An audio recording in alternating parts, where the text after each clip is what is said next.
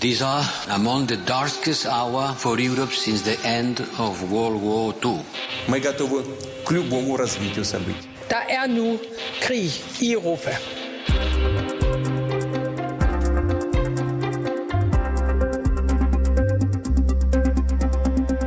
Det er næsten kun kvinder, der kommer til Danmark fra det krigsramte Ukraine. For mens mænd er tvunget til at være med i den ukrainske hær i kampen mod Putins tropper, så tager kvinder og børn i ly i øh, andre lande. Og det risikerer at udløse en menneskehandelskrise, hvor kvinderne kan ende som ofre for trafficking, altså menneskehandel, og blive seksuelt udnyttet i hænderne på kriminelle. I Polen har staten allerede måttet sætte ind over for frivillige for at forhindre handel med fordrevne kvinder fra Ukraine. Og i Danmark har myndigheder vurderet, at to kvinder fra Ukraine har været udsat for menneskehandel og udnyttelse. Du lytter til Krig i Europa, hvor vi i dag undersøger udnyttelsen af fordrevne kvinder fra Ukraine. Vi ser nærmere på, hvordan menneskehandel foregår, og så spørger vi øh, ind til konkrete sager på dansk jord. Jeg hedder Alexander Vils Lorentzen. Og jeg hedder Cecilie Lange, og det her det er Krig i Europa.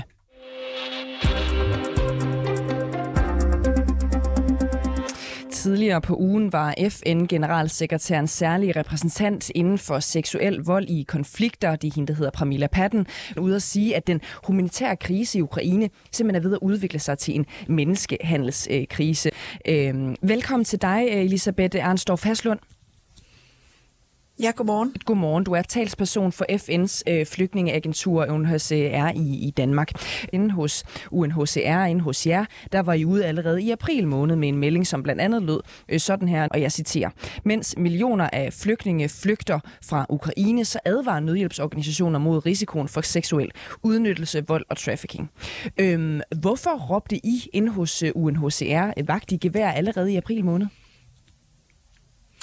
Jamen, vi ved jo desværre, at når vi står med flygtningesituationer, flygtningekriser, hvor rigtig mange mennesker øh, bliver tvunget til at forlade deres hjem, jamen så er der altså bare en, en risiko for, at kvinder og børn kan være særlig udsatte for øh, at blive ofre for menneskehandel, for anden form for udnyttelse, kønsbaseret vold. Og når vi så ser på krigen i Ukraine og ser på, hvem er det, der flygter, jamen så er det jo lige præcis 90 procent af dem, der er kvinder og børn. Mm. Og, og det betyder jo så bare, at, at risiciene er øh, øh, større.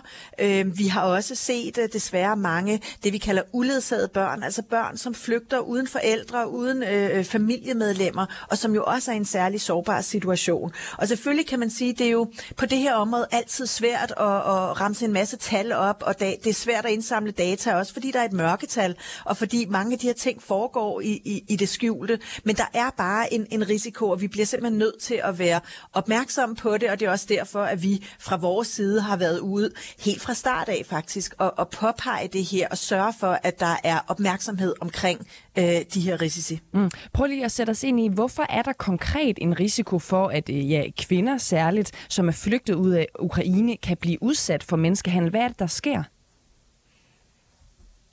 Jamen, øh, kvinder øh, og, og, og børn, og altså, det er selvfølgelig også andre, men, mm. men jo især kvinder og børn, jamen, de kan befinde sig i en, i en sårbar øh, situation. Man kan jo godt forestille sig, at i sådan en situation, hvor man må flygte, måske har man ikke særlig meget med sig, det foregår rigtig hurtigt, der er kaos, hvor man er på vej hen, jamen så er de i en, en sårbar situation, og der ved vi desværre, at de kan være, øh, øh, de kan være, være risikere at blive ofre for, for folk, som som har dårlige intentioner, som udnytter den her desperation og situation, de står i. Det kan være i forhold til at tilbyde gratis transport, gratis overnatningsmuligheder, øh, anden form for hjælp og støtte, eller måske tilbyder dem et job. Øh, og man, og vi har jo set, og det er jo, det er jo også rigtig vigtigt at understrege, vi har jo set i denne her krise så mange mennesker og foreninger og organisationer, som virkelig har trådt til og, og for at hjælpe. Så mange frivillige, der ønsker at hjælpe. Og langt, langt, langt størstedelen har jo de gode intentioner. Mm. Men, men udfordringen er jo bare, hvis der iblandt dem kan skjule sig nogle kriminelle netværk øh, øh, og, og folk med, med de for, forkerte intentioner, som så kan udnytte det her og simpelthen øh, tage, tage øh, tage bestik af situationen og sige, okay, der er en masse sårbare, desperate mennesker. Øh, vi, kan, vi kan se vores snit til, til at udnytte den situation, de mm. står i. Og så, øh, ja, og så misbrug dem. Ikke? Og det er jo selvfølgelig øh, øh, seksuel, øh, seksuel udnyttelse er selvfølgelig en af risiciene, men det kan også være sådan noget som tvangsarbejde, øh, tvunget øh, eller simpelthen at nogle af de her mennesker så ender i en situation, hvor de bliver tvunget til at arbejde under slavelignende forhold. UNHCR de arbejder også nede ved den ukrainske grænse for at modvirke, at øh, fordrevne kvinder øh, bliver udnyttet. Prøv lige at forklare os, hvordan foregår, øh, foregår det arbejde? Ja, altså vi er både til stede inde i Ukraine og, og også øh, i grænseområderne og, og i nabolandene. Og selvfølgelig, og det er også vigtigt at understrege, det er nationale myndigheder, som har ansvaret for at modtage og beskytte flygtninge. Men det er jo klart, at det her er noget, vi har gjort opmærksom på helt fra start af, og mm. vi også har oprustet den støtte og de anbefalinger, vi giver til øh, de forskellige nationale myndigheder. Øh, helt øh, ganske tidligt i, i, i krigen, jamen, der satte vi i gang i øh, informationskampagner også blandt ukrainerne, for simpelthen at sørge for, at de, de mennesker, der flygter, er opmærksomme på det her, ved, hvor de kan henvende sig, hvad de skal være på udkig efter. Øh, vi har også oprettet sammen med, med UNICEF, øh, det vi kalder Blue Dot, som er sådan nogle øh, centre, øh, der er nu i, i syv forskellige lande i Ukraines, øh, rundt om Ukraine, altså som er sådan nogle øh, safe spaces, altså hvor, hvor, hvor uledsagede børn, hvor særligt sårbare kvinder kan komme ind, komme i sikkerhed. Der er mennesker der til at hjælpe dem, give dem støtte, øh, psykosocial øh, hjælp, øh, også sørge for, at de bliver, øh, de bliver sendt til de, til de rigtige steder, netop hvis de har været udsat for noget. Øh, og så har vi simpelthen udsendt øh, specialister i det her, specialister i at modvirke øh, risiciene for, for trafficking og, og for anden udnyttelse til, til en række af de her nabolande, øh, for, for netop at sikre, at der er noget ekspertise, som også kan hjælpe med at rådgive de nationale myndigheder og de forskellige aktører, som, øh, som er involveret i, i arbejdet med, med de ukrainske flygtninge. Ja, og nu hvor vi er ved de her øh, konkrete anbefalinger til øh, lande i Ukraines nærområder, øh, som ligesom har til hensigt at forhindre udnyttelse af for, fordrevne mm. ukrainske kvinder. Hvad er det for nogle anbefalinger? Jamen altså e, helt konkret, så har vi været ude at sige, øh, og igen det gjorde vi også ganske tidligt, at der bliver simpelthen nødt til at være noget screening og noget kontrol af de øh, frivillige øh, og de organisationer, øh, som, som er, deltager i arbejdet med at hjælpe og modtage de ukrainske flygtninge. Og igen, det er jo vigtigt at understrege, langt, langt, langt de fleste gør jo det her af godt hjerte, og, og det er en kæmpe hjælp, øh, de mange frivillige. Men at have en eller anden form for procedure, så man lige er sikker på, hvem er de her mennesker, for netop at sikre, at der ikke kan være nogen, der kommer med slette intentioner. Øhm, og det, det øh, var vores anbefaling. Det er noget, som, som også øh, landene har taget til sig og indført nogle forskellige procedurer. I forhold til uledsagede børn for eksempel, jamen der er det jo vigtigt, at øh, når der kommer et, et barn, som flygter alene, at der med det samme er fokus på, at det her barn bliver identificeret, bliver registreret, øh, at man sikrer, at de kommer i nogle, nogle ordentlige øh, øh plejeforhold, eller, eller bliver, bliver, øh, bliver beskyttet et, et sted, så, så de netop ikke øh, er, er på egen hånd og, og kan risikere at falde i kløerne på de forkerte. Øh, og så er det jo også et spørgsmål om, og det er jo selvfølgelig lidt overordnet, altså at de mange myndigheder, der er øh, involveret i, i modtagelsen af ukrainske flygtninge, at de bare, altså bare det, at de er mm. fokuseret på det her, at der er fokus på at have en præventiv indsats, og også at der er sikret hjælp til, hvis der er nogen, der har været ofre for det her, at de ved, hvor de kan gå hen og få hjælp, og der er nogen, der tager sig af dem. Elisabeth øh, Arnstorff Haslund, øh, du er talsperson for FN's øh, flygtningeagentur UNHCR i Danmark. Tak for din tid her til morgen.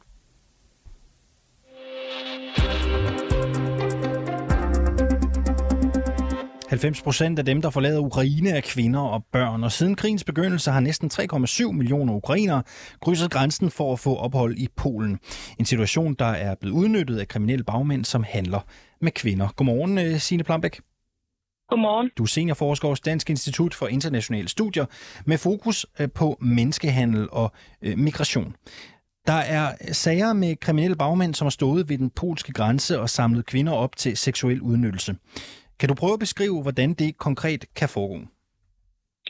Jamen, det handler jo om, at, øh, at at i den her situation kvinderne ikke kan komme, øh, kan komme videre.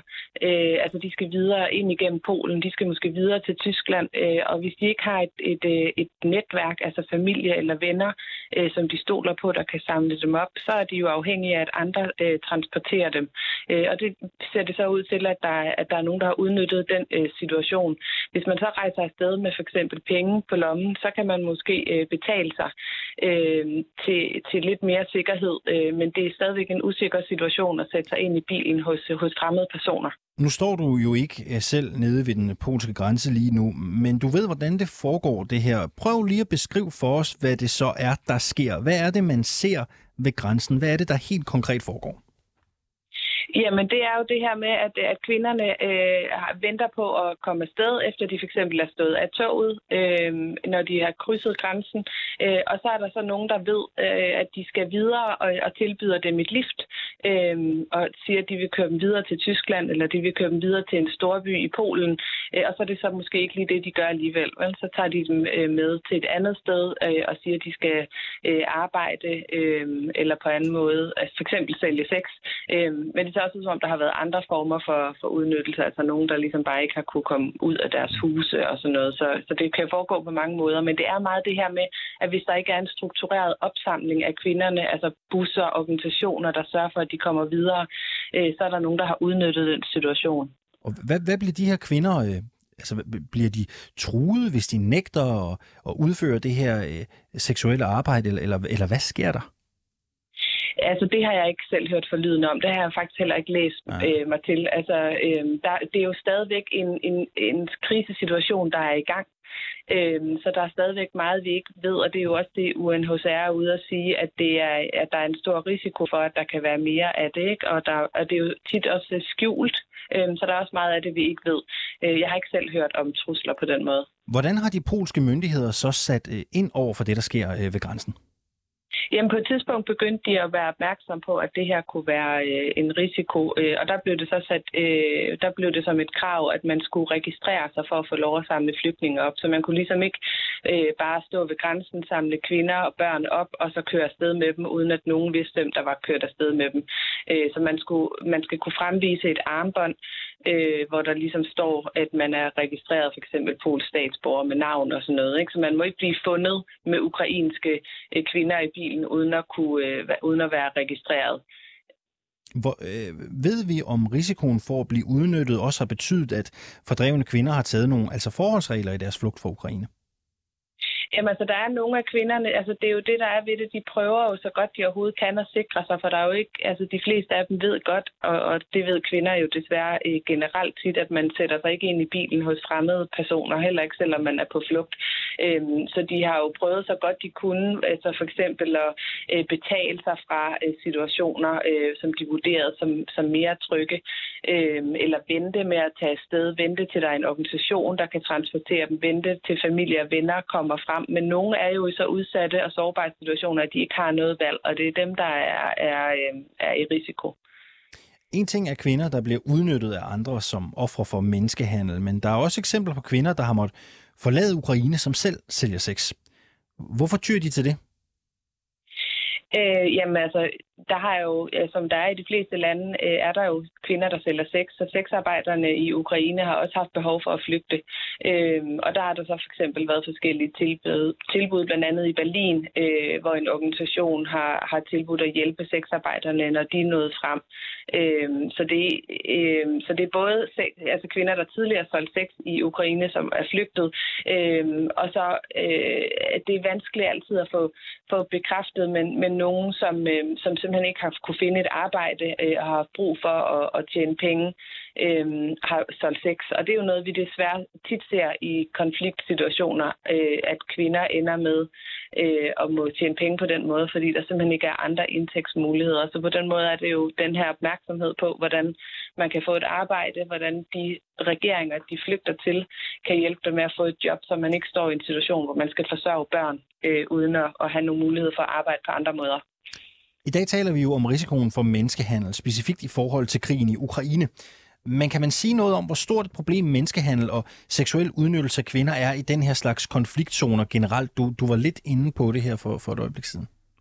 Jamen altså, det er en, en risiko, som vi ser. Øh, nogle gange kan man også sige, at der bliver råbt vagt i gevær, før vi egentlig ved øh, præcis, hvad det er, der foregår. Altså at organisationer er ude hurtigt og sige, at det her det er noget, som, øh, som øh, de er nervøse for, øh, hvor man egentlig ikke helt ved, hvad det er, der præcis kommer til at ske. Og det er jo for at få for eksempel et land som Danmark, der modtager ukrainske kvinder til at være opmærksom på det. Det ved jeg også i øh, Center mod Menneskehandel øh, allerede er opmærksom på i Danmark. Øh, så det er jo for ligesom at være på forkant.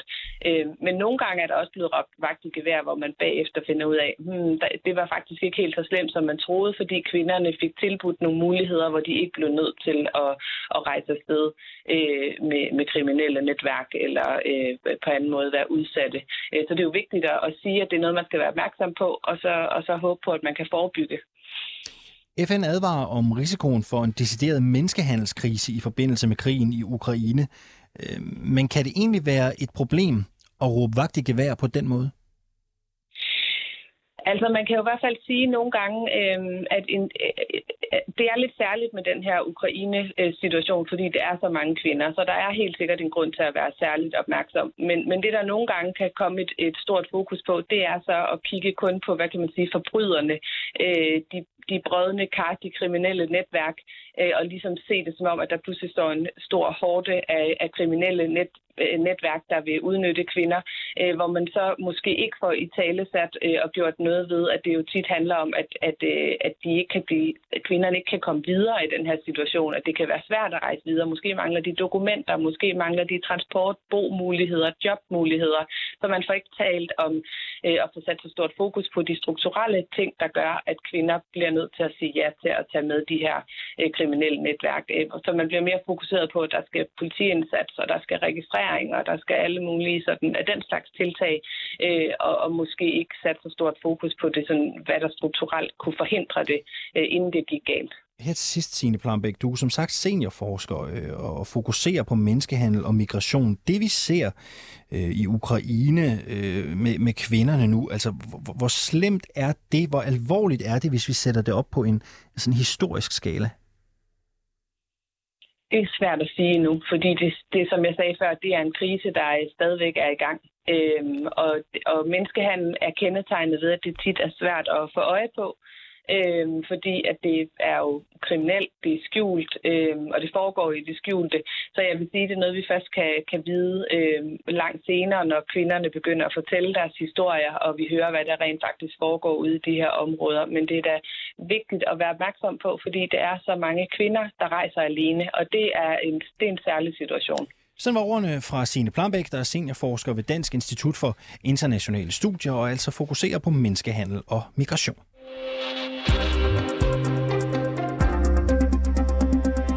er her på Krig i Europa, der undersøger vi i dag FN's advarsler mod en menneskehandelskrise, hvor fordrivne kvinder bliver udsat for seksuel udnyttelse som en konsekvens af krigen i Ukraine. Og nu skal vi vende øh, blikket hjemad, nemlig til Danmark, øh, og sige velkommen til dig, Trine Ingemannsen. Tak. Leder af Center mod øh, Menneskehandel. Øh, Center mod Menneskehandel, det er den øh, sociale indsats under Socialstyrelsen, som modarbejder menneskehandel i Danmark. Vi taler jo om menneskehandel og seksuel udnyttelse som konsekvens af krigen i Ukraine i dag. Hvordan kommer det til udtryk i dansk kontekst? Øhm, Jamen, vi har jo som sagt identificeret et par kvinder allerede, øh, og vi har holdt flere udredende samtaler og er generelt i dialog både med øh, grænsekontrol og asylcentre og Røde Kors og kommuner øh, for at sikre, at, øh, at alle kan se tegn og signaler på menneskehandel i Danmark, når det finder sted. Vi har så heller ikke set de rigtig store tal endnu, øhm, og hvad det skyldes, ved vi ikke rigtigt, men, men man kan sige, at det er de allermest sårbare, som der også har været fremme tidligere i programmet, der er i risiko for menneskehandel. Så derfor er det heller ikke altid dem, der kommer først ud af landet, og dem, der er først til at henvende sig til myndighederne, når de er, når de er i risiko. Hvis vi prøver at kigge på det her problem konkret, så kan det vel være vanskeligt at se, om en person egentlig er udsat for menneskehandel. Øhm, men hvad kan der være sådan af konkrete tegn og signaler på, at nogen ja, er lige præcis det og har været udsat for menneskehandel? Ja, det er super svært at få øje på. Noget af det, som man skal være opmærksom på, det er, hvis der er nogen, der ikke har deres egen papir, de virker bange og kude, der er nogen, der taler på deres vegne. Øh, de virker ikke som nogen, der selv er, er herre over den situation, de står i lige nu her. Og, og, og for bare lige at, at blive ved det, hvad kan det så være sket, hvis man øh, spotter det her? Altså en person, som øh, virker som om, at der er nogen, der taler for hende og ikke har egne papirer osv. Altså, hvad kan det så være et udtryk for? Jamen, så kan det være udtryk for, at der er nogen, som, øh, som forsøger at få til at se ud, som om, at, at de hjælper kvinden, øh, og i virkeligheden, så, øh, så er der et udnyttelsesforhold i gang, som hun ikke kan slippe ud af igen. Mm. I har jo på øh, Center mod øh, Menneskehandel tidligere i foråret været ude med en melding om, at to ukrainske kvinder som du også lige var inde på tidligere, kan have mm. været udnyttet til øh, prostitution. Det vurderes, at de to kvinder har været udnyttet af bagmænd i forbindelse med flugten fra deres hjemland, netop Ukraine. Mm. Kan du sige noget om, om der har været øh, flere lignende tilfælde? Jeg har desværre ikke mulighed for at udtale mig om det på nuværende tidspunkt. Jeg kan sige, at der er opmærksomhed hele vejen rundt, og jeg kan sige, at vi har flere udredende samtaler. Øh, men, men af forskellige årsager kan jeg ikke sige noget konkret om det lige nu. Okay. Øh, hvilke instanser og, og myndigheder arbejder I øh, sammen med for at opdage de her sager om menneskehandel og, og seksuel udnyttelse? Altså man kan sige, at vi er i tæt dialog med, øh, med både UNHCR og med EU og med øh, Østersrådet og OSCE. Og her i Danmark, der har det fra har vi startet med at have fokus på, øh, på især dem, der modtager øh, øh, fordrevne fra Ukraine. Det har været tryghedszonen på hovedbanegården, som Røde Kors kører. Det har været øh, grænsepolitiet i Padborg og asylcentre, men også kommuner, som vi har øh, lavet materialer til at sende rundt. Og det har der været rigtig, rigtig stor efterspørgsel på. Vi er oppe i tredje oplag af vores øh, flyers og posters nu, som, øh, som kommer ud til dem, der modtager de fordrevne. Derudover så har vi også et samarbejde med, øh, med forskellige øh, øh, private virksomheder, blandt andet, som har fokus på online udnyttelse af øh, af ofre for menneskehandel, og, og ved blandt andet, at MobilePay har stort fokus på, øh, på øh, de transaktioner, som kan foregå omkring menneskehandel. Det samme har Facebook og Microsoft og, og nogle af de andre øh, store IT. Og prøv lige at sætte nogle ord på, hvordan samarbejder I med de her teknologivirksomheder, øh, for eksempel, fordi vi jo i dag ved, at også menneskehandel øh, foregår øh, gennem internettet? Ja, det gør det nemlig, og det gør det både i rekrutteringsfasen, det gør det i udnyttelsesfasen, og, og selve salget af ydelser for ofre kan også foregå online. Så derfor er det vigtigt, at vi er i dialog med dem og udbreder kendskab til menneskehandel, og hvad er bagmænds modus lige nu, som vi kender til det. Øh, hvad er det for, for personer, der er i risiko, og at vi også den anden vej ved, hvad der foregår, øh, for at vide blandt andet, Øh, og har vi lige haft noget i, i den gruppe og fik at vide om MobilePay, at de havde fokus på, øh, på transaktioner, der foregår på forskellige portaler. Ikke? Og så kan vi også forstå på vores, nogle af vores internationale samarbejdspartnere, at, øh, at der har været lande, hvor at, at øh, internetsider med sexsalg direkte har været ude og reklamere for at tage og købe øh, sex hos en ukrainsk kvinde. Og, og hvad kan de her øh, teknologivirksomheder, eller mobile pay, som du for eksempel nævner, hvad kan mm. de hjælpe jer øh, med? Hvor er det, de konkret sætter ind? Jamen det er, at de, øh, de begrænser øh, øh, transaktioner omkring prostitution øh, og, og sørge for at opdage den, når det finder sted. Og så har vi jo en hotline, som vi også øh, udbreder kendskab til, så man kan ringe med, med mistanke om menneskehandel på den. Mm. Og, og hvilke indsatser har I øh, iværksat endnu hos jer, altså for at forhindre, at netop ukrainske kvinder ikke bliver udsat for trafficking i Danmark? Jamen der er det jo det her med at forsøge at udbrede viden til dem, som kommer i kontakt med dem, så de også er opmærksom på øh, tegn og signaler på menneskehandel og ved, at de kan kontakte os. Det er sådan det primære lige nu, og så er det jo super vigtigt, at der også bliver ved med at være fokus på det her område, ligesom I også gør her. Øh, så så um, offentligheden ikke mister interessen for det, men, men at vi også er klar til at, at, at, at opdage offrene, når de viser sig senere hen under øh, krigen. Mm. Og en ting er jo informationskampagner og, og ting, som man skal være øh, opmærksom øh, på. Øhm, er der mm. også information eller, eller andre øh, ting, som er værdsat øh, direkte rettet mod øh, kvinderne, som jo også har rigtig meget at se til og er i en desperat situation?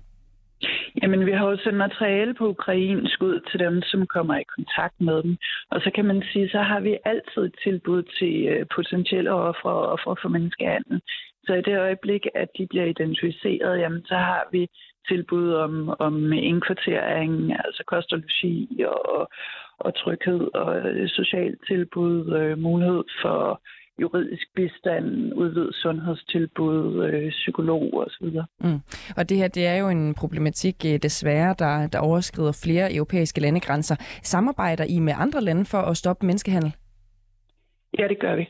Det gør vi. Det gør vi både øh, med andre myndigheder, med NGO'er i andre lande og med øh, udveksling og oplysninger med, med politi både i Danmark og i, øh, i vores nabolande. Og det er jo noget, der er blevet ret øh, tydeligt i, i den her øh, tid. Sådan er det jo ofte i, i, i krigstider, at, at man bliver opmærksom på, hvor forskellige også EU-lande trods alt kan være. Så altså, hvordan foregår det samarbejde mere konkret?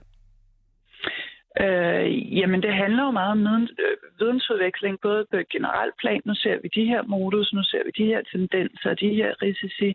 Og så er det jo selvfølgelig også i konkrete sager. Nogle gange handler det om, at offer for menneskehandel gerne vil rejse videre til et andet land, hvor de måske har familie, og andre gange, at de gerne vil vende hjem. Det er jo så ikke muligt lige nu i mm. Ukraine, men, men bliver det jo forhåbentlig på et tidspunkt. Øh, så det er både på det generelle vidensplan, men også øh, i konkrete sager, hvor at det jo selvfølgelig er helt afgørende for os, at den viden, vi kan få, ikke er noget, vi sidder på, men, øh, men videregiver, så, øh, så der er mulighed for, for efterforskning og opmærksomhed i, i vores nabolande også. Øhm, som vi lige var inde på tidligere, så er der jo i hvert fald øh, to fordrevne ukrainske kvinder, som I har vurderet har været udsat for øh, menneskehandel og seksuel ja. udnyttelse her i Danmark. Er der risiko for, at vi kommer til at se yderligere tilfælde her den kommende tid? Ja, det er der helt bestemt. Det er en meget stor gruppe, der er, der er fordrevet fra Ukraine, som er i yderst sårbar situation. Øh, og som sagt er det heller ikke nødvendigvis de mest ressourcestærke, der kommer først afsted, og derfor er der også en øget risiko, som tiden går. Ligesom at der aktuelt kan være nogen i et handelsforhold lige nu, som først skal finde en vej og kontakte myndigheder eller andre, der får øje på dem og, og hjælper dem ud af det. Mm. Trine Ingemansen, øh, du var også inde på det øh, øh, lige før. Altså, synes du, at der er nok fokus på det her problem i forbindelse med krigen i Ukraine øh, og den flygtningestrøm, som blandt andet kommer herop? Det er jo ikke noget, vi hører i medierne hver eneste dag. Nej, det er det ikke, men samtidig så synes jeg, at der har været, øh, der har været mange øh, internationale organisationer, danske organisationer, som har været, øh, været hvad hedder det, øh, gode til at sætte fokus på det og blive ved med at fremhæve risikoen, ligesom at vi også oplever en efterspørgsel på, øh, på viden fra blandt andet kommuner, som ikke nødvendigvis har så meget at gøre med potentielle offer for menneskehandel. Trine øh, Ingemannsen, leder af Center mod øh, Menneskehandel. Tusind tak for din øh, tid og for at gøre os klogere på det område her til morgen. Det var så lidt. Tak for at sætte fokus på det.